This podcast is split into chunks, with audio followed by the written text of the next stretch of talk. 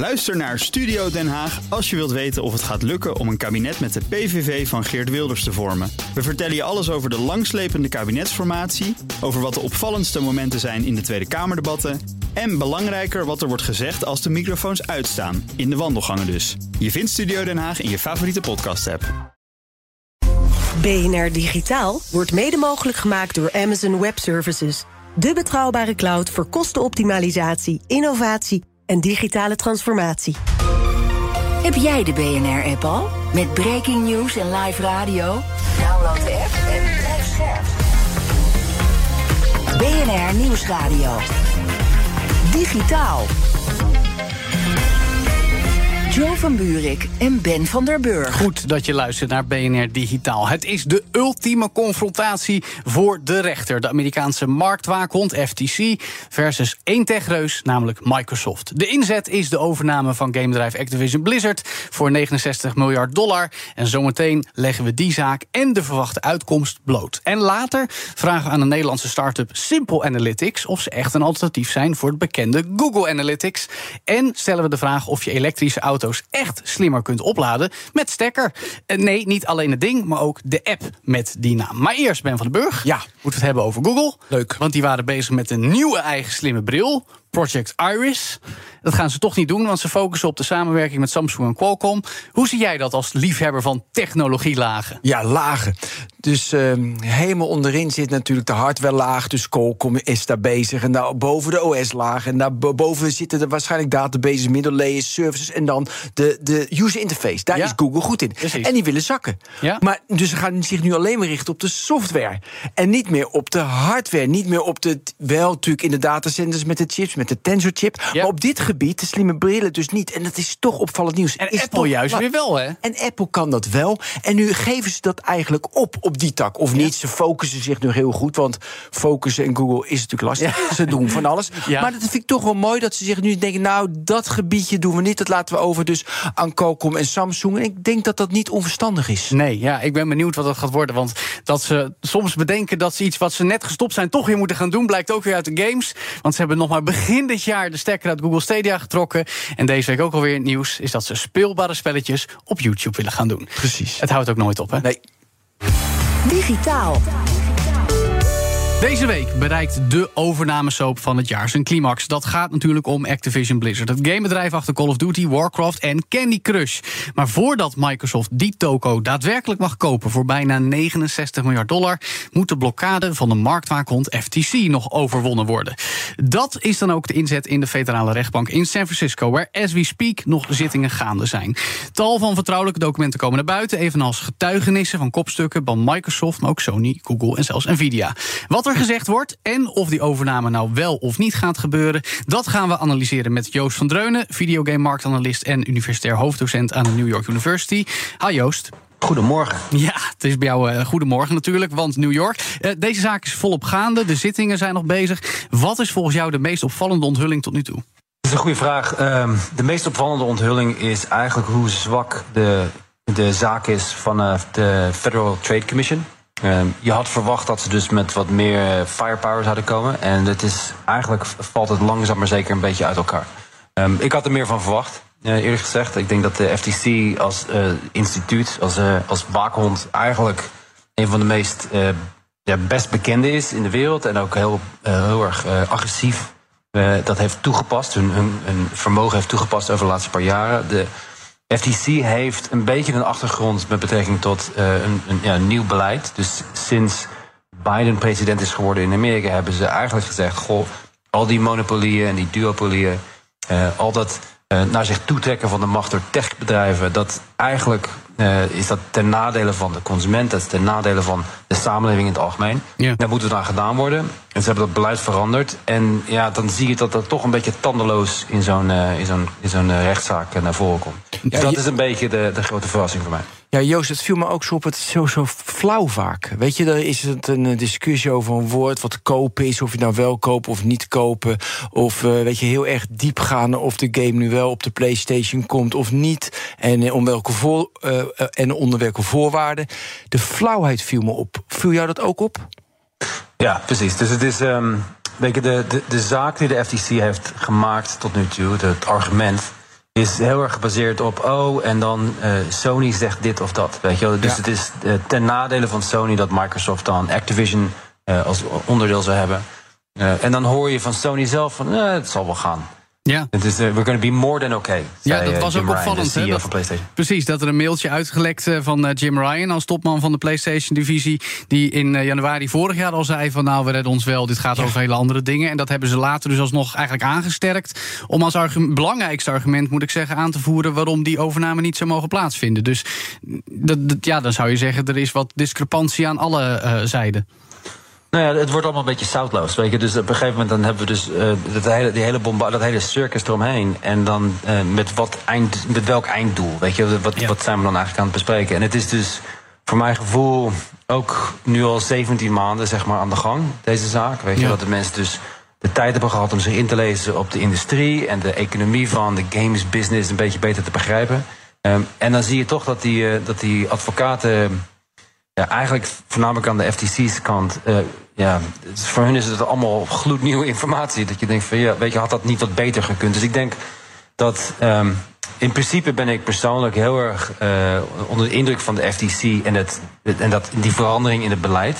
Maar de executie laat een beetje te wensen over. En ik, ik heb vanaf het begin af aan ook ehm, eh, ben ik van mening geweest dat deze zaak, eh, dus die acquisitie gaat gewoon door. En dat Ja. is gebaseerd op het feit dat de FTC en die andere waakhonden de industrie niet goed begrijpen. En je ziet dat nou dus ook eh, ja, in real-time eh, plaatsvinden. Ja, nou, mooi dat je je voorspelling al gegeven hebt. Maar dan nog ook even voor de goede orde. Hè. Afgelopen december spande de FTC al een zaak aan tegen deze overname bij de eigen bestuursrechter. Die blokkade werd onlangs geëscaleerd tot aan de federale rechter met deze injunction. Omdat Microsoft anders in juli de overname al zou kunnen gaan beginnen te voltooien, zeg maar. Maar betekent dat de uitspraak die we nu binnenkort van de federale rechter gaan krijgen ook echt duidelijkheid biedt? Of, of eh, gaat het sowieso linksom of rechtsom de komende maanden nog door? Ehm, het moment, dus mijn verwachting is dat dus de, de, de rechter dat eh, Microsoft in een, haar gelijk gesteld wordt. Ehm, en op dat moment met een, eh, een groen licht in Amerika kunnen ze de deal sluiten. Eh, dat is de verwachting. Nou, wat ik begrijp van mijn gesprekken met Microsoft, zullen ze het proces dat op dit moment in Engeland gaande is, rustig gewoon doorvolgen. Dat zullen ze niet zeg maar, ineens mee ophouden of eruit stappen. Maar ja, goed, ze kunnen dus op het moment dat dus de Amerikaanse waakhond ja zegt dat dat mag, dan, eh, dan zullen ze dat meteen ook doen. Als ze nou zeggen van niet, en dat verwacht ik niet dat dat gebeurt, maar stel dat ze dat niet doen, dan kunnen ze het nog altijd nog in hoger beroep gaan en, eh, en dat soort dingen. Dus het, is, eh, het heeft nog even wat maanden de tijd. Ja. Maar in principe zal de deal rond zijn eh, zoals ze dat verwachten. Ja, ja je, je noemde het tussen neus en lippen door. De Britse markt, daar komt CMA, die ligt natuurlijk ook dwars. Maar we hebben wel wat geluiden opgevangen dat er in achterkamertjes onderhandeld wordt om daar ook nog goedkeuring te krijgen. Heel kort, weet jij daar nog meer van of is dat gewoon nog afwachten? Er wordt nog steeds heen en weer gevlogen, laat ik het zo zeggen. Dus eh, dan hoor je, dus wat, waar hebben ze het dan over inderdaad? Weet je, dus het, eh, een van de redenen dat die injunction eh, plaatsvindt nu in Amerika is omdat eh, de FTC wind, we zeggen het lucht had gekregen van het idee dat Microsoft waarschijnlijk dus een, ja, een path had gevonden, een, een, een, route had gevonden in de, in de, in de, in de wetgeving. Waarmee ze dus toch nog met die CMA een, ja, een compromis hadden, zouden kunnen sluiten. En om die, eigenlijk die, die versnelling daarmee dus eh, ja, voor te zijn, heeft de FTC geëscaleerd met een injunction. Ja. Want anders straks sluiten ze die deal zonder dat wij ons zegje hebben kunnen doen. Dus eigenlijk was dat een, een reactie daarop. Ja, en dat heeft dus te maken met eh, die achterkamertjes. Ja, die, die blijven natuurlijk. Je moet je voorstellen dat dit is natuurlijk 70 miljard voor Microsoft, maar die geven dan ook makkelijk 50 tot 100 miljoen aan eh, aan geld uit aan advocaten en onderzoeken en toestanden. Dus die zijn daar heel serieus mee. Dus even een dagje heen en weer vliegen naar Londen, dat is helemaal geen probleem. Nee, ze Als ze daarmee vinden dat ze dus eh, dat verder kunnen duwen. Ja, Joost, eh, we zeggen FTC een beetje zoutloos. Ze hadden geen goede argumenten. Welke argumenten had jij nog... Vind jij hadden ze wel moeten gebruiken? Wanneer was het minder zoutloos geweest? Waar staat Microsoft niet sterk? Microsoft staat historisch voor mij niet zo sterk. Met eh, Bethesda, met, met de acquisitie van eh ZeniMax Media... eh, is, er, is het eigenlijk een beetje onduidelijk naar, naar, naar buiten toe... eh, op het moment dat ze zeggen, ja, de- deze titel is exclusief... en deze titel is niet exclusief, hoe ze dat dan besluiten... Ehm, ik denk dat het dus ehm, ja, op een of andere manier voor Microsoft, het is een heel groot bedrijf, weet je, en dus er gaat vaak wat mis. Ehm, in de zin dat er dus niet goed gecommuniceerd wordt. Je ziet dat nu met de e-mails die dan heet het rondvliegen. Ja. Ik denk dat Microsoft eh, heeft voor mijn gevoel als gamer eh, historisch gezien niet echt een ongelooflijk sterke, zeg wat, sterk cv als het aankomt, op, als het aankomt op dus eh, toffe titels beter te maken. Behalve dan met Minecraft. Minecraft is een beetje de uitzondering, maar heel veel van die andere dingen die ze hebben aangekocht en uitgebracht, dat is een beetje ja, middelmatig. Ja. Dus je vraagt je dan af van, goh, is dat waar, waar gro- grote titels eh, heen gaan om te sterven? Of is dat juist een, een, een, een, echt zo'n incubator waar het beter van wordt? En voor mijn gevoel zou Microsoft dus, eh, ja, die, die kopen dus nu 70 miljard aan. Ja. Oké, laat maar zien. Weet je, eh, all eyes on you, kom er maar mee. Ja. Eh, dus ik hoop dat ze dat waarmaken, maar historisch gezien is, staan ze daar niet zo sterk in. Maar dit is ook een beetje het punt, hè Joost? Want ik bedoel, je, als je nou op, op een bepaalde manier naar kijkt... toevallig sprak ik laatst met een bekende van me... die ook goed gevoer- ingevoerd is in de tech- en games-industrie... die zegt, het probleem met Microsoft is dat ze... dan hebben ze middelmatig producten. Dat hoeft niet per se een game te zijn. Het kan ook een webbrowser zijn. Het kan e- elke toepassing zijn. En die wordt dan vervolgens in het ecosysteem gehesen... en je eigenlijk opgedrongen. Nou, daar kun je dan weer antitrustzaken tegen gaan voeren. Eh, maar dat is natuurlijk in het verleden, ook met Internet Explorer... best wel een ding geweest met Microsoft. En dat is nu ook volgens mij wat die angst voor de marktwaakhonden aanjaagt. Van ja, maar straks krijgen jullie zoveel macht. En dan moeten we weer het hele gevecht van 20 jaar geleden opnieuw gaan voeren met jullie. Zit, zit dat er een beetje onder dat Microsoft in een redelijk ver verleden zo'n slecht track record heeft opgebouwd.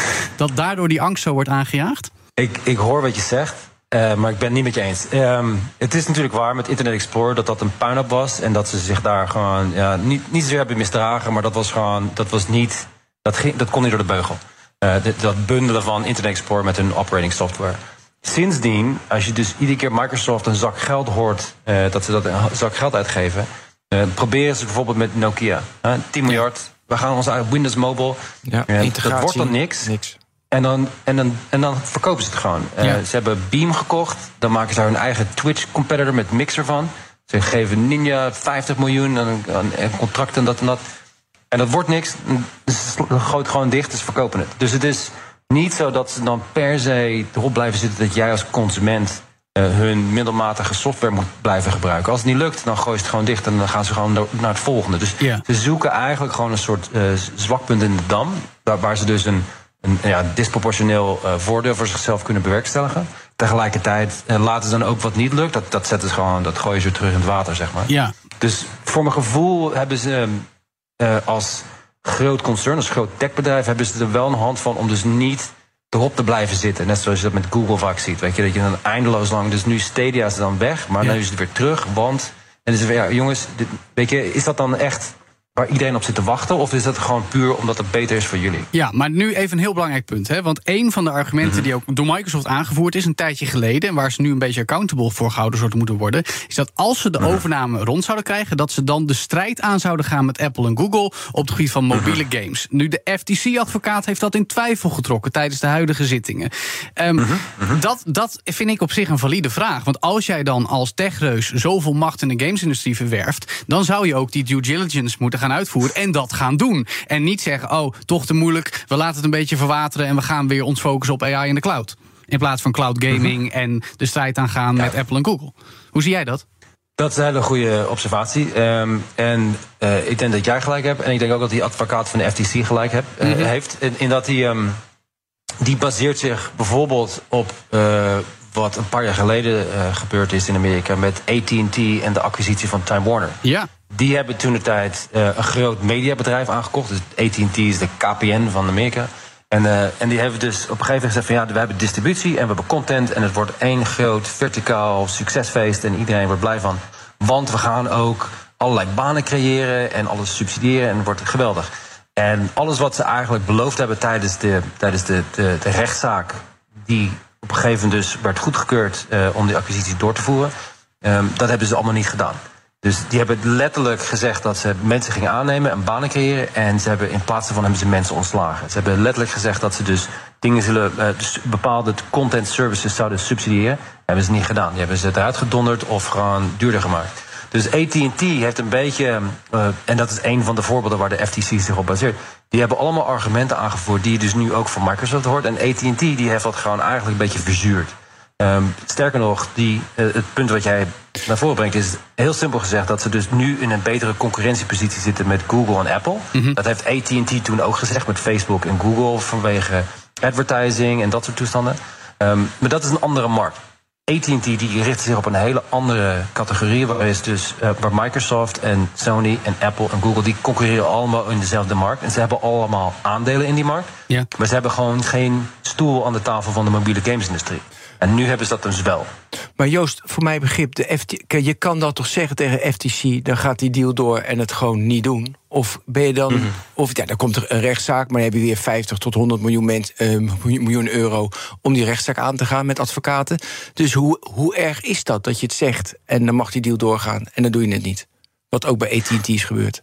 Dat, dat zou, eh, voor mijn gevoel, zou dat, eh, ja, we zeggen dat een blamage zijn. Dat zou heel erg verrassend zijn, maar ook ernstig. Ja, maar wie Ehm, houdt ze accountable? dat is natuurlijk de vraag. ja, hè? d- ja, waarom- Ja, nee, dat ben ik, ben ik helemaal eens. Dus, dus kijk, uiteindelijk is dat natuurlijk ook een beetje de markteconomie. Van ja, eh, eh, als we het daarover gaan hebben, dan zou je kunnen zeggen van goh, eh, als we van tevoren verantwoording moeten houden en, en iedereen aan hun beloftes moeten houden. Kan toch niet? Ehm, dat is ook een hele andere wereld. Dan is het gewoon eigenlijk gewoon een economie gericht door de staat. Ja. En ik denk dat dat een beetje de moeilijke is. Dat zal niet eh, eh, goedgekeurd worden in Amerika, Ja. überhaupt.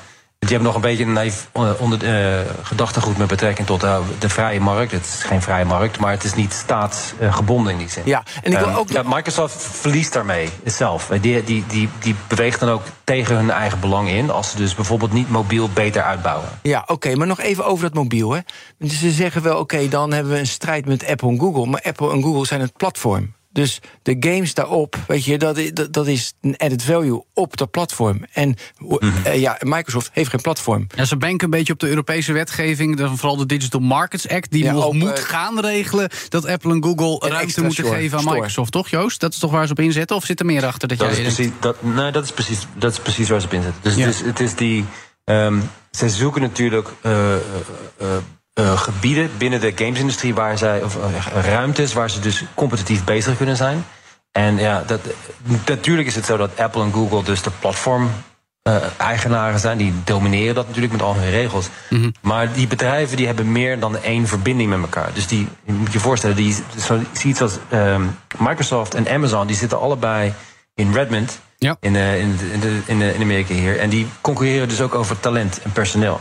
Dus die hebben allerlei verwikkelingen met elkaar. Die concurreren ook op cloud-infrastructuur. Dus die hebben dat soort competitieve punten... waar ze op een gegeven moment gewoon een beetje een akkoordje moeten maken. Zeggen van, goh, krijg jij dit, mag ik dat. Ja, het is eigenlijk Dus gewoon Game of Thrones, hè? beetje landje verdelen en heersen. Het is absoluut Game of Thrones. Ja, dat, is, ja. dat is de juiste metafoor. Over dan de, de mm, wellicht winnende strategie van Microsoft gesproken. eh, ook via deze zaak allemaal naar buiten gekomen is dat Microsoft eigenlijk heel Windows in de cloud wil gaan draaien. Nou, dat kan al voor business, maar dat moet ook voor consumenten gaan. Mede daarmee willen ze in 2030, heb ik in de presentatie van vorig jaar vernomen, ook een document uit die zaak, 500 miljard dollar omzet per jaar gaan maken. Nou, dat zou meer dan een verdubbeling van de huidige jaaromzet zijn. Is dan games zo'n integraal onderdeel, Joost. Een soort verborgen joker waarmee Microsoft denkt... daarmee gaan we de hele markt veroveren. Want we, we horen Satya Nadella ook zeggen... ja, er zijn 3 miljard gamers in de wereld... en die moeten wij bereiken als Microsoft. Ik, ik, eh, ja, ik denk niet dat het een soort gateway-applicatie is. In die zin dat eh, mensen van eh, games naar operating service eh, en systems overspringen. Dat zou te Ik goed zijn voor Microsoft... om het echt goed aan elkaar te koppelen, zeg maar. dat moet je je voorstellen.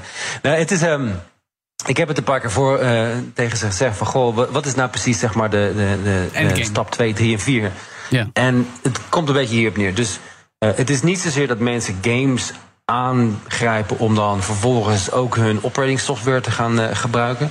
Het is meer dat eh, games en gamers, en dat is een van mijn persoonlijke fascinaties met de, met de categorie.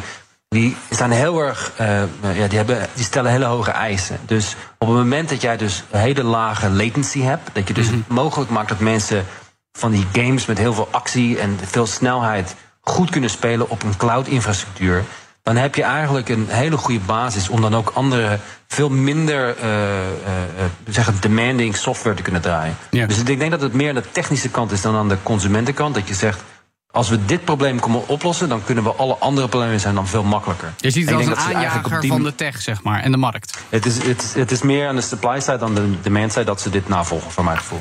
Ja, maar dan zou het bijna R&D geld zijn. Je, dus acht, eh, zeg maar die 68 miljard R- ja, is R&D. Die vind ik ook- 69 miljard Ja, dollar. dat is een beetje... Het is, een, het is gewoon een asset. Dus als jij leert eh, met, met 70 miljard om iets te doen... en dat doe je dan zo goed dat je dat dan vervolgens tienvoudig kan terugverdienen... Nou, dat Ja. is toch een goede investering. Even de wedervraag, Joost. Eh, gaat dit ervan uitgaan dat wat jij zegt uitkomt... Hè, en dat die overname gewoon doorgaat... en dat Microsoft dit gaat doen... gaat dat Sony ook echt een spreekwoordelijke schop onder de kont geven... en dat ze ook daar aan de bak moeten met cloud gaming en andere innovaties? Of gaan ze dan toch maar iets heel anders doen... zoals Nintendo eigenlijk is gaan doen de afgelopen 20 jaar? Ik verwacht dat, dat Sony dus meer een mediastrategie eh, eh, aanneemt. Die, ze hebben dus heel veel intellectual property. Die hebben allerlei interessante dingen die ze nog veel, beter, eh, veel beter uit kunnen voeren. Dus ja, video, films, televisie, maar ook allerlei andere dingen waar je kan zeggen van goh. wat- Weet je, Sony is ook een heel groot muziek. Ja. eh, empire. hè. En Die gaan meer dus IP's veel- uitnutten, zeg je eigenlijk. Precies, die hebben ook dus eh, anime, een heel belangrijke categorie in Japan, maar ook in toenemende mate hier in Noord-Amerika. eh, manga, allerlei, weet je, die Japanse comic books en cartoons. Ja. Dat wordt een steeds grotere markt voor hun. Dus ja, ik, ik zie dan eigenlijk een heel simpele weg van, goh, doe dan meer van dat en veel minder met, met hardware en infrastructuur. Ja. In het verleden, een bedrijf als Sega heeft op een gegeven moment dus hun eigen hardware-droom met de Dreamcast eh, hebben ze losgelaten. En die zijn alleen maar games gemaakt. Die hebben laatst Rovio gekocht. Ja, die zijn lekker bezig geweest met het uitbouwen van hun IP. Ja. Dus je ziet eigenlijk van ja, weet je, dan zal Sony dat niet volledig nabootsen, maar die zal iets vergelijkbaars gaan doen en zich minder richten op het bouwen van infrastructuur, want dat kost Dat gewoon kunnen ze niet ook. zoveel meer geld. Ja, maar ze hebben- kunnen ze, niet, kunnen ze niet betalen. Nee, betalen en de core competenties hebben ze niet. Nog even tot slot dan, eh, Joost, als je toch over Sega begint. Dat zou een van de overnames zijn die Microsoft had willen doen, maar niet deed. Onder andere ook Bungie, notabene de studio die tegenwoordig bij Sony hoort. Ook tal van andere studio's, allemaal teruggekomen in documenten die we de afgelopen dagen hebben gezien. Is dat allemaal coulda, woulda, shoulda? Of gaat er toch nog weer een grote overname komen nadat deze gepasseerd is? Want het, het klimaat lijkt daar een beetje ongunstig voor, omdat geld duur is. Denk je dat we nog meer van die gigantische game-overnames gaan zien na deze? Of, of hebben zowel Microsoft als Sony dan even de buik te vol van? Zijn twee dingen. Dus het eerste is, ehm, zoals ik Microsoft ken, die zitten de hele dag te kijken naar wie ze eventueel zouden moeten kopen. Dat is gewoon, dat is gewoon continu is dat gewoon, dat is één grote door, nou, zeg dat, continue eh, activiteit voor hun. Ja. En dat is, dat is nooit niet het geval. Ehm, en daarnaast is het dus, eh, acquisities op dit moment zijn, zoals je zegt, geld is duur, maar de valuaties zijn heel erg laag. De Ja, ja. waarderingen voor bedrijven, vooral in Europa, zijn heel erg. Ja, die zitten eigenlijk de helft van wat ze anderhalf jaar geleden waren. Als jij Ubisoft wil komen, is nou eens een goed moment, want het kost maar 4 miljard in Ja. plaats van 10, anderhalf, anderhalf jaar geleden. Dus, eh, maar iedereen zit te wachten op die uitspraken van de CMA en de FTC. Dus op het moment dat dat een groen licht geeft, dan zal je meteen meer acquisities zien die dan volgen. Want iedereen zit nu gewoon eigenlijk tegen het risico aan te kijken van... goh, als ik nou een paar miljoen voor CD Projekt Red uitgeef... als het laatste een gerucht was... Of als Embracer iets wil verkopen nu dat het niet zo goed gaat in Europa...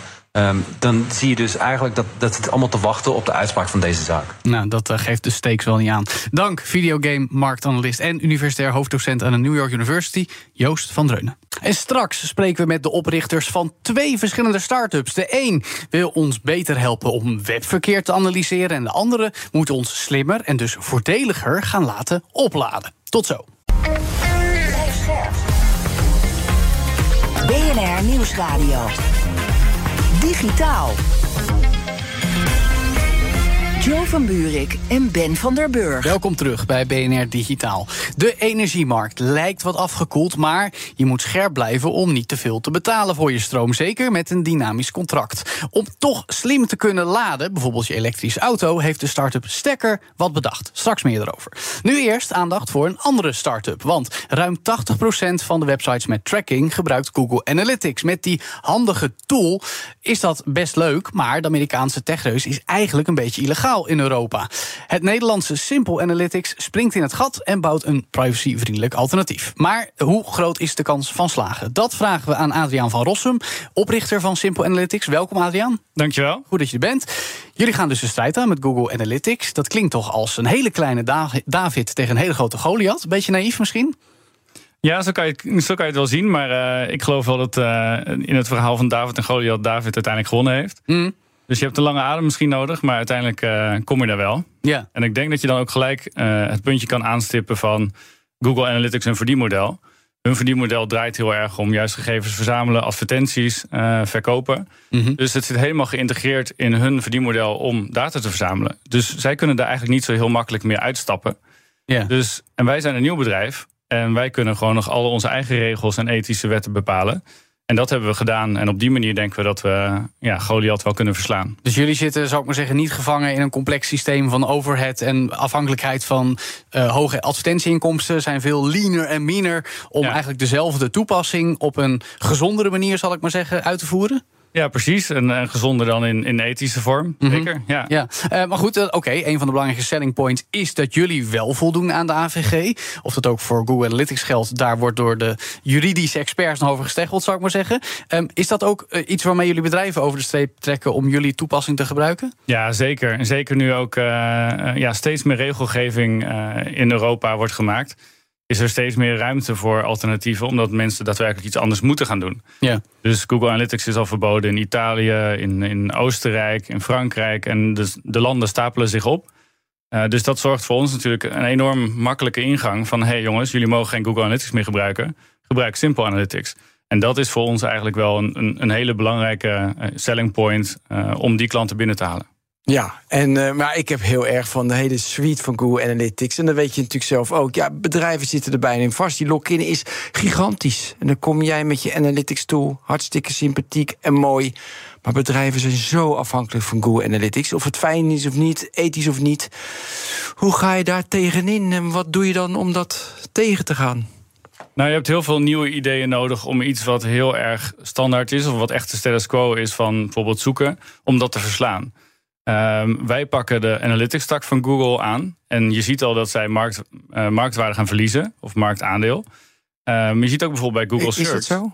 Ja. Is Ja. dat puur vanwege die AVG-zaak, zal ik maar zeggen? Dat, dat daardoor het risico groot is dat eh, Google die klanten gaat kwijtraken? Is, is dat dan waar je ook op gokt, zou ik maar zeggen? Ik denk wel dat dat echt de meest belangrijke eh, factor is. Want het is nu zoveel in het nieuws en zoveel hoor ik er om me heen ook. Mm. eh, dat bedrijven daadwerkelijk iets anders willen. Ja. Omdat ze gewoon geen Google Analytics meer eh, durven te gebruiken. Ja, maar even heel flauw. Hè? Google heeft natuurlijk ook duurbetaalde advocaten. Ze kunnen vast een manier vinden om een wel AVG-proof versie voor Europa te bouwen. Als ze het maar willen. Als de nood maar hoog genoeg is onder juridische druk.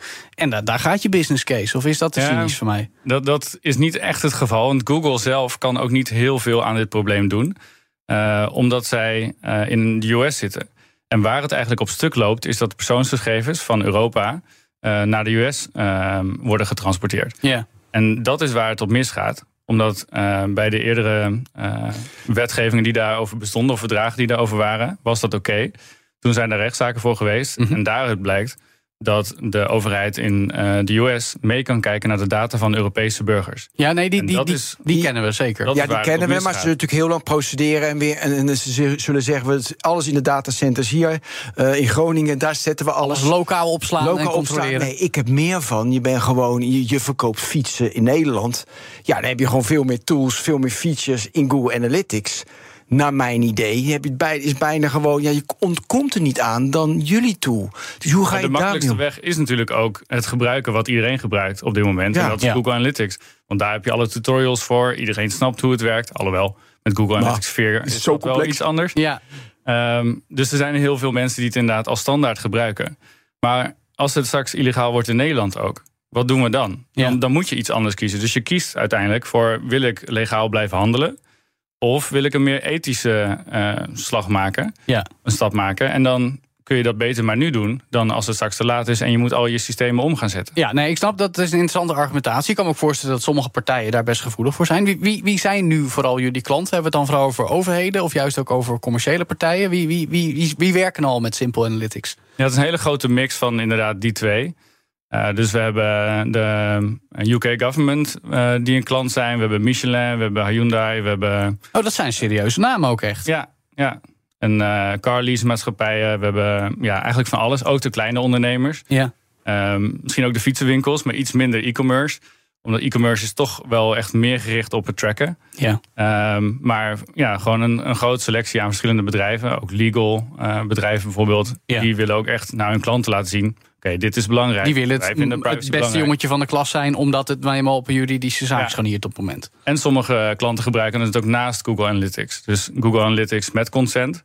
En dan Simple Analytics zonder consent. Ja. Zodat je dan toch nog een beetje weet hoeveel mensen klikken op nee op mijn cookie banner. Ja. Dus op die manier kun je ook eh, data verzamelen naast elkaar. Kun jij ook even in, in, in enigszins begrijpelijke taal uitleggen of er een verschil zit in wat Google Analytics doet? Even los van hoe groot ze zijn opgezwollen en de juridische strijd. En wat jullie doen, is dat, is dat eigenlijk gewoon hetzelfde kunstje? Of hebben jullie ook nog een andere benadering en komen er ook andere resultaten uit? Kun je er iets Eh, over zeggen? Ja, zeker.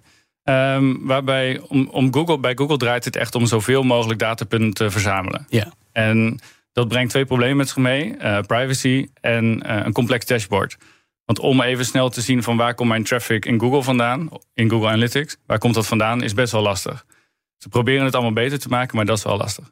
Eh, bij Simple Analytics doen we dat wel echt anders. We heten niet voor niks Simple Analytics. Ja, ja, ja. we hebben Goeie een naam. heel- ja, we hebben een heel duidelijk dashboard met een grafiek en waar komt je traffic vandaan en dat soort dingen.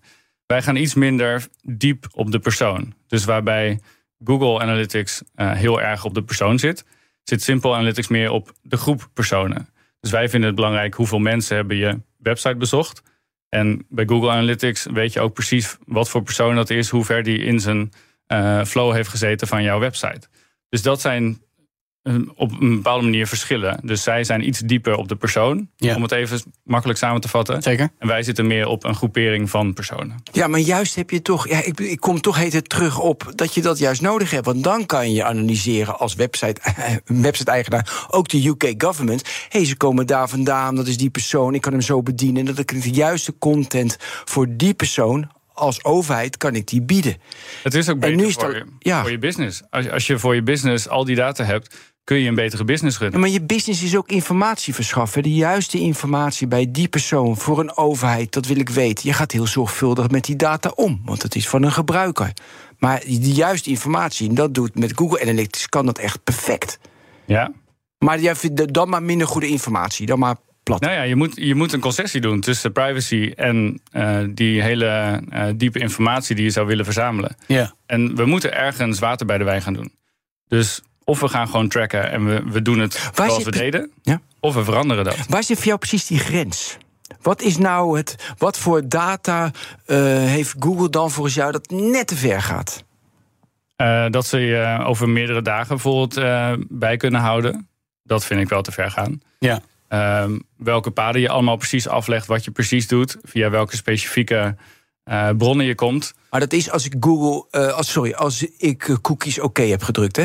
Ja, Ja, precies. En dat moeten mensen natuurlijk niet doen, maar heel veel doen het wel. Ja. En dan, eh, oké, dus dat is... ja en, het, en het deel bij Google is natuurlijk, eh, wat ik al eerder zei, het verdienmodel zit op die data. Dus zij verkopen, niet verkopen als in we, we geven het de deur uit, maar eh, ze bieden de tools aan om die data in te zetten voor een advertentienetwerk. Ja. Wat op zich ook wel slecht gebruikt kan worden. Dus daar moet je ook een beetje mee oppassen wat voor data daar dan in terecht komt. Ja. Over data en eh, transparantie gesproken. Jullie zijn het ook best wel. Op jullie website staat een heleboel te lezen over omzet, kosten en groei. Eh, eh, waarom doe je dat eigenlijk zo? Geef je daarmee niet veel te veel prijs? Ja, we geven wel veel prijs. Ja? Maar we hebben ook iets, iets te vertellen. We willen graag een, een transparant bedrijf zijn. Ja. En ja, je kan niet een transparant bedrijf zijn zonder zelf transparant te zijn. En wij willen daar een beetje de, het vertrouwen winnen van de klant. Ja. Want je, bij Google weet je niet heel veel wat ze nou allemaal achter de schermen doen. En wij willen graag heel duidelijk zijn over dit doen wij achter de schermen. Ja. En dat, ja, daar zitten dus ook eh, onze revenue cijfers bij. eh, hoeveel klanten we binnenhalen. Eh, NPS-score zetten we online. eh, allerlei dat soort informatie. Ja. En, en werkt dat ook echt? Of, of, of moet je uiteindelijk toch zeg maar, meerdere hoeveelheden van transparantie toepassen om toch niet ook alles te veel prijs te geven? Want ik kan me voorstellen dat voor mo- mogelijke concurrentie ook niet gunstig is als je zomaar alles deelt. Nee, dat klopt. Aan de andere kant, je kan het ook wel weer gebruiken bijvoorbeeld voor marketing. Ja. Omdat je natuurlijk, als je een milestone hebt behaald, kun je die weer delen en dan kun je weer daarmee mensen bereiken. Ja. Dus het heeft dat aspect ook wel. Transparantie als marketing. Ook. Ja, ja, ook zeker. Ja, ja. Maar je kan ook te transparant zijn. Dus we willen natuurlijk niet eh, de paspoortgegevens van onze medewerkers. Nee, nee, nee, dat begrijp Dus ik. Er zit een, een balans in, ja. Ja, precies. Maar waar, waar, waar tot slot trek je dan de scheidslijn? Ik bedoel, omzet en klanten is één ding. Maar vertel je ook precies wat je wel en niet doet om AVG bulletproof te zijn? Of, of blijft dat toch een beetje het bedrijf? Ja, dat moeten we zeker uh, uitleggen, omdat heel veel klanten die vraag hebben. Zo Ja. van, hey, zijn jullie wel wat jullie zeggen wat jullie zijn? Precies. Dus daar hebben we hele blogposts aan gewijd om, om uit te leggen hoe het precies zit. Oké. En ook legal, legal pagina's voor als je echt een legal team hebt van oké, wij geloven het niet. Oké, ga maar kijken. En Ja. dan komt daar wel uit dat het eh, klopt. Nou, waarvan acte. In ieder geval hebben we er nu een mooie inleiding in gekregen. Dankjewel, Adriaan van Rossum, oprichter van Simple Analytics. Digitaal. Steeds vaker lees je alarmerende berichten hè, over het overvolle energienet. Te veel aanbod, te weinig vraag. Soms een wat rare situatie. En hoe lossen we die nou op? Nou, met een app natuurlijk. Zoals we veel Alles problemen. Ja, we heel veel problemen oplossen met een app. Bij ons te gast de bedenker van die app. In dit geval Erik de Bruin, medeoprichter en directeur van Stekker.app. Welkom Erik. Dankjewel. Goed dat je er bent. Welk probleem lossen jullie nou eigenlijk op met een app? Nou, wat je natuurlijk ziet is dat er eh, steeds vaker bijvoorbeeld windturbines en eh, zonneparken stilgelegd worden. En dus dan is er energie over eigenlijk, omdat er geen vraag naar is. Het is natuurlijk heel zonde dat we heel- over het algemeen, als we s'avonds thuiskomen, de auto inpluggen. En dat die dan direct begint te laden tijdens de avondpiek. Terwijl dat dan is- stroom heel duur is. Juist, en dat is ook het meest fossiele moment. En dat is ook de reden waarom het heel veel duurder is. Dus wij willen eigenlijk die, die momenten waarop de auto laadt, willen we verplaatsen. En dat kunnen we doen als we inderdaad met de app jouw toestemming hebben. Ja. En ook in de transparantie is trouwens ook een heel belangrijk ding voor ons. Oh, notabene. Uiteraard. Nieuwe Ja. trends. En- en En, een eh, stukje controle. Kijk, het is jouw, jouw asset, noemen we het dan. Hè? Dus jouw, jouw auto, daar mag jij ook de baas over zijn. Maar het, het zijn ook jouw voordelen. Ja. En eh, ja, daar kan ik nog meer over zeggen. Want wat we nu eigenlijk doen is... ehm, we laten eigenlijk de, de commerciële partijen laten we het probleem oplossen. Ja. Maar dan betalen we ook de rekening daarvoor. Dan heb je het over de grote energieleveranciers, zou ik maar zeggen. Ja, bijvoorbeeld eh, wat je vaak ziet is dat eh, eh, stationaire batterijen worden neergezet... terwijl we eigenlijk al batterijen op wielen hebben. Ja. Dus, Ja, dus, dus ook, dus we, we lossen het probleem op de verkeerde manier op, zeg je eigenlijk. Vind ik wel. Ja, maar Ja. Hoe, ja, hoe bedoel je dat? Want ik kan toch niet terugleveren. Ik heb een 105 kilowattuur batterij. Dat is mijn auto. Maar dat kan ik toch niet terugleveren? Dus Eh, goed punt. Niet alle, niet alle auto's kunnen dat. Dus dat Nee, is alleen iets maar de wat, Kia, eh, wat er wel, binnenkort aankomt. Maar eh, het scheelt ook al een heleboel als je de energie verbruikt... niet tijdens het avondpiek, maar om overschotten dus juist te gaan benutten. En sterker nog, wat je dan eigenlijk gaat doen... is je gaat die batterij ga je niet eh, zwaarder belasten... door nog extra cycli toe te voegen. Maar je gaat, hem extra, je gaat gewoon die batterij ga je op het juiste moment laden. Dus dat eh, geeft geen eh, nadelig effect, geen slijtage aan je accu. ja. Ja, oké. Voor de goede orde, dit is ook eigenlijk alleen interessant als je een, een dynamisch energiecontract hebt, volgens mij. Hè? Eigenlijk, ik zie je een beetje aarzelen. Ja, als je je eigen zonne-energie wil gebruiken... en voor Ja. bedrijven die kunnen bijvoorbeeld niet salderen... op een groot verbruikersaansluiting... Ja, dat dan is het natuurlijk heel interessant om je eigen energie te verbruiken... eh, met dus eh, de elektrische auto's. En dus voor zakelijke gebruikers is dit ook heel interessant. Maar ook voor het gevoel dat je je eigen zonne-energie gebruikt. Dus Ja. dat is natuurlijk ook heel Maar dan prettig zijn de, de overige voorwaarden dus nog wel zonnepanelen en een elektrische auto om hier daadwerkelijk gebruik te Ja, je moet wel ergens eh, een, een voordeel creëren. Dus, eh, of, of, of voor jezelf. eh, het kan ook voor de energieleverancier. En we zijn dus bezig om te zorgen dat energieleveranciers... ook een deel van het voordeel via ons weer aan de eindgebruiker kunnen Maar geven. dat vind ik interessant. Want ik wou net vragen, waarom doen ze het niet zelf? Wa- waarom is er stekker? Ja, dat is een goede Jullie vraag. praten kopen dus jou natuurlijk Ja. straks. Nou ja, wat, wij, wat wij inderdaad willen is, wij willen dit probleem één keer heel goed oplossen. En dan ook meerdere energieleveranciers de gelegenheid geven om hè, dus eigenlijk veel efficiënter dit aan te bieden. Ja. Hè, dus dat wij, eh, ehm, wat we zien is dat het gewoon best wel een complex systeem is. En als, als start-up kun je vrij snel eh, innoveren en een goede app bouwen. Ja. Eh, energieleveranciers die hebben al heel veel uitdagingen op het gebied van regelgeving, op het gebied van allerlei compliance waar ze aan moeten voldoen. Ja. En dus meestal zit hun hele backlog, zeg maar, noem je, dan, eh, noem je dat dan, die zit al heel erg vol. Ja. Ja, maar je vertelde dat de energieleverancier het voordeel ook aan de consument geeft. Eh, ik heb heel lang met Jetlix gewerkt. Dat is een concurrent Ja. van jullie, denk ik. Ja. Precies. Eh, en dat gebruikte ik. Daar kreeg ik ongeveer 10, 15 euro per maand terug. Maar toen zei Vattenval, dat doen we niet meer. Toen ben ik ook gestopt met Jetlix, want ik had geen voordeel erbij. Dus inderdaad, dan laadde mijn auto alleen maar op gunstige momenten. Maar ja, hij laadde gewoon als ik thuis kwam de hele nacht. Dus prima. Maar ik kreeg toch dat geld. Waar kwam dat geld vandaan? Ja, dat was toen op, volgens mij een subsidie, eh, iets vanuit Tenet, dat ze een Oh, pilot deden. subsidies. Ja, dus, eh, dus daar hebben ze denk ik gebruik van gemaakt, eh, een hele periode. Eh daar gaat ook wel geld van investeerders waarschijnlijk naartoe. Dus wat wij eigenlijk willen is we willen een heel duurzaam, eh, niet, niet voor niks duurzaam, eh, model meerdere eh, opzichten. creëren. Waarin we, hè, als je bijvoorbeeld eh, dynamische energie inderdaad hebt, dan kun je zelf profiteren van de, van, eh, ja, de dynamische prijs. En dan kan op één laadbeurt kun je eigenlijk al in sommige gevallen wel 40 euro besparen. Ja. Het, gaat, het gaat ietsjes harder. Ja? Nee, maar dat gaat harder. Maar het rare is, kijk, daar heb ik toch geen app voor nodig. Ik snap toch als mijn zonnepanelen vol aan het blazen zijn... dan mijn auto aan te stekken, terwijl ik geen zonnepanelen heb. Je kunt het zelf timen, maar dan moet je dus ook inderdaad elke keer een timer instellen. En dit is veel makkelijker, want in de meeste gevallen hoef je alleen je auto in te pluggen. Ja. En dan herkennen wij al dat de auto uh, ingeplucht Maar oké, is. even iets meer toelichting. Want ik ben een beetje leek. Ik weet ook niet veel van energie. Hoe, hoe werkt dit voor mij? Ik installeer de app. Ik steek mijn elektrische auto in het stopcontact. Ik heb de zonnepanelen. En het wordt automatisch geregeld wanneer het gunstig is? Ja, je, je koppelt eenmalig koppel je, auto of je laadpunt, of beide. Mhm. Kan ook. Um, en uh, wij kunnen met al die informatie en informatie van het net... kunnen we dus de optimale momenten kiezen. Ja. Wij informeren je daarover en we geven je de mogelijkheid... om al, ten alle tijde dingen te veranderen. Ja. Maar eigenlijk als je gewoon je auto inplugt en je stelt in... ik wil automatisch slim laden, Ja. dan gaat hij gewoon elke keer En automatisch... dan geef ik, eh, goed gezegd, wel Ja. de controle uit handen aan jullie app. Ja, ik zie het een beetje als de thermostaat, zeg maar. Je hebt de slimme thermostaten, daar kun je wel aan de knop draaien... Ja. als je dat wil, maar hij leert ook van je. Ja, oké. Dus eh, goed. Ehm, Oké, dat, dat klinkt handig. Eh, kan ik het ook koppelen aan een smart home situatie? Ja, dat kan sinds kort ook. Dus niet onze main focus. Ik denk dat de elektrische auto is de grootste batterij eigenlijk een hele grote verbruiker. Dus daar kun je heel veel eh, effect mee hebben.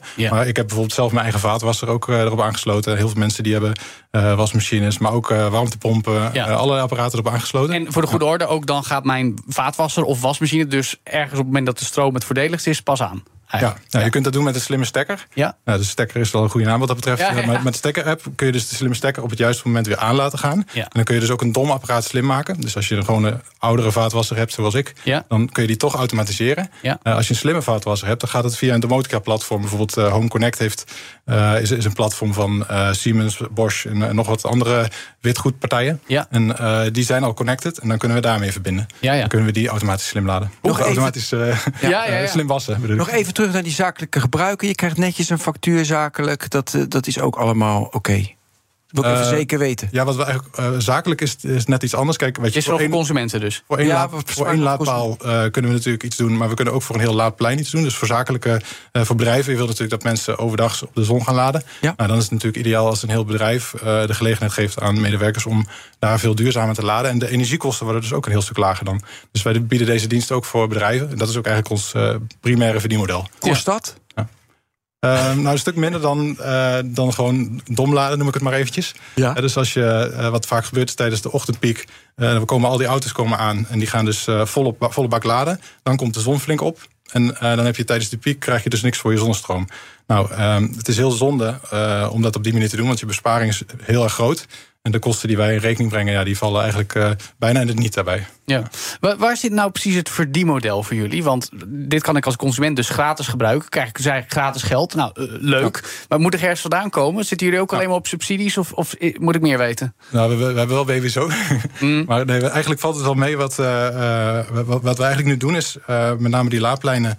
eh, daar kunnen we een soort abonnement afspreken. Maar we kunnen ook met een klant afspreken van... we gaan het op basis van performance fee doen. Ja. En dan eh, vragen we een deel van het voordeel. Dat hebben we eigenlijk liever. Want wij vinden het heel leuk om te optimaliseren... om zoveel mogelijk eh, ja, voordeel te creëren. Ja. Het leuke hieraan is ook dat hetgene wat het meeste oplevert... is ook eigenlijk het meest duurzaam. Dus het goede doen loont. Ja. Eh, eh, Oké, maar de, de, legt hij nog iets verder uit? Wat, Ja. is de incentive dan going forwards om dit te blijven doen? Uh, nou, als je kijkt hoe ontzettend veel bedrijven nu allemaal aan het elektrificeren zijn. En ook voor zakelijk vervoer wordt dat steeds belangrijker. Um, ja, dan zien we dat daar een hele grote groeimarkt is. En bijna elk bedrijf die gaat zijn vloot elektrificeren. Dus de aantallen laadpalen die dus slimmer aangestuurd kunnen worden. En ook de grootte van het probleem Ja. uh, neemt toe. Dus de marktwaarde van die flexibiliteit, noem ik dat dan. Ja. Uh, die neemt toe. En uh, wat je dus krijgt is dat ja, we gaan alleen maar windturbines en, en, en zonne-energie extra op het net zetten. Ja, dat Ja. moeten we wel kwijt kunnen. Dus hoe groter het probleem wordt, hoe groter die marktwaarde ook wordt. Ja. En je bent echt spekkoper als je uh, die flexibiliteit uh, kan benutten. Ja, maar goed, op termijn komt natuurlijk een situatie waarin we gewoon beter moeten omgaan met vraag en aanbod. Weet je wel, gewoon de hele energiemarkt blijft veranderen. We hebben nog een toekomstperspectief dat we echt beter omgaan met de duurzame energie die we opwekken. En misschien ook wel echt kunnen opslaan. Zijn jullie daar ook op voorbereid dat dat op een gegeven moment ook gaat komen en dat je dan niet overbodig wordt? Nou, eigenlijk is dit dus opslag, hè, maar dan Ja. op, uh, in de assets die er al zijn. En als je dat dus met extra assets gaat doen, moet je die ook nog terug gaan verdienen. En die concurreren ook met batterijen in auto's. Dus de grondstoffen die gaan in elektrische auto's. Ja. Als je die gaat gebruiken voor stationaire uh, batterijen, ja, dan zijn ze niet meer beschikbaar. Dus die marktprijs die Ja. heeft ook invloed. Dat, je bedoelt, de, de ene batterij wielen en de andere niet. En die zonder wielen is minder waardevol in de zonder delen. Ehm, Je hebt nou, liever de, de accu ja. in die auto, want die kun je ook als auto gebruiken. En hey, dat is ook mooi. Een Ja, accu. die is- Toekomst, hè? We praten Ja, over ja, de ja, toekomst. nee, dat toekomst. niet zo. Ja, Vandaag de dag is die asset meer waard als je hem voor twee doeleinden gebruikt. En als je hem toch al afgeschreven hebt voor mobiliteit, Ja. dan kun je hem natuurlijk ook nog eh, extra gebruiken voor, eh, eh, voor het net te stabiliseren. Ja. En dat heeft natuurlijk waarde. En tegelijkertijd ehm, ja, is dat en het meest efficiënte. En, en je krijgt er gewoon iets voor. Ja. Dus het is allemaal extra. Ik wil even waar de pijnpunten zitten. Zijn dat de energieleveranciers of juist de klanten die eh, moeilijk is aansluiten? Dus waar zit dat? ja, wat is jullie uitdaging? Heel kort nog. Nou, eh, ik denk dat uiteindelijk iedereen hiervan vindt. Eh, dus, Nee, maar jij ehm, hebt pijnpunten. Dat kan ja, niet klopt. Ja. Nou, de, de, de kunst is om te zorgen, kijk, heel, steeds meer mensen zitten op dynamische eh, tarieven. Ja. Dat zorgt ervoor dat het aligned is. Dus dat het maatschappelijke probleem en het individuele voordeel Ja. eigenlijk eh, aligned is. Precies. En eh, het zou heel mooi zijn als meer mensen ervoor kiezen. Want eh, dynamische prijzen zijn in de regel over de lange termijn ook goedkoper. Alleen er zit een bepaald risico in. En dat risico koop je met een vlak tarief af. En daardoor betaal je iets meer gemiddeld. Alleen eh, je hebt natuurlijk wel een stabiliteit. En dus, ehm, maar daarmee is de hele prikkel weg om te verduurzamen. Ja. En dus eh, het, het verplaatsen van eh, die de energievraag in de tijd, dat is een dienst die wij leveren. En die dienst die heeft natuurlijk alleen, ja, dat dat is alleen maar heel interessant als je ook een voordeel eraan hebt. En niet alleen maar voor de duurzaamheid bezig Ja. bent. En wij geloven dat, die, dat het wel allebei van toepassing moet zijn. Precies, dus dat is nog een beetje een maatschappijbrede uitdaging, zou ik zeggen. Maar goed, Ja. eh, goed om in ieder geval te weten. Dankjewel, Erik de Bruin, medeoprichter en directeur van Stekker. Tot zover BNR Digitaal. Ook altijd te beluisteren, uiteraard als podcast. Bijvoorbeeld via de app van BNR. Download die vooral. En natuurlijk op elk ander podcastplatform kun je ook luisteren naar alle tech-podcasts die wij maken hebben. En Ja. De tech-update twee keer per dag. De cryptocast, de technoloog. Wat hebben we deze week? Ja, de dynamische energietarieven bij datacenters. Daar zijn ze weer. ja, Precies. energie is alles ook in tech. En natuurlijk ook elke donderdag nieuwe afleveringen van All in the Game en Nexus, onze andere tech-podcast, waarin we doordiscussiëren over wat er speelt in tech. En elke woensdag weer een nieuwe BNR Digitaal. Dus zeg ik namens onze tech-redactie tot volgende week. Dag. BNR Digitaal wordt mede mogelijk gemaakt door Amazon Web Services. De betrouwbare cloud voor kostenoptimalisatie, innovatie en digitale transformatie. Bij BNR ben je altijd als eerste op de hoogte van het laatste nieuws. Luister dagelijks live via internet. Bas van Werven. En heel langzaam komt de zon op rond dit tijdstip. Je krijgt inzicht in de dag die komt op BNR, het Binnenhof in Nederland en de rest van de wereld. De Ochtendspits. Voor de beste start van je werkdag. Blijf scherp en mis niets.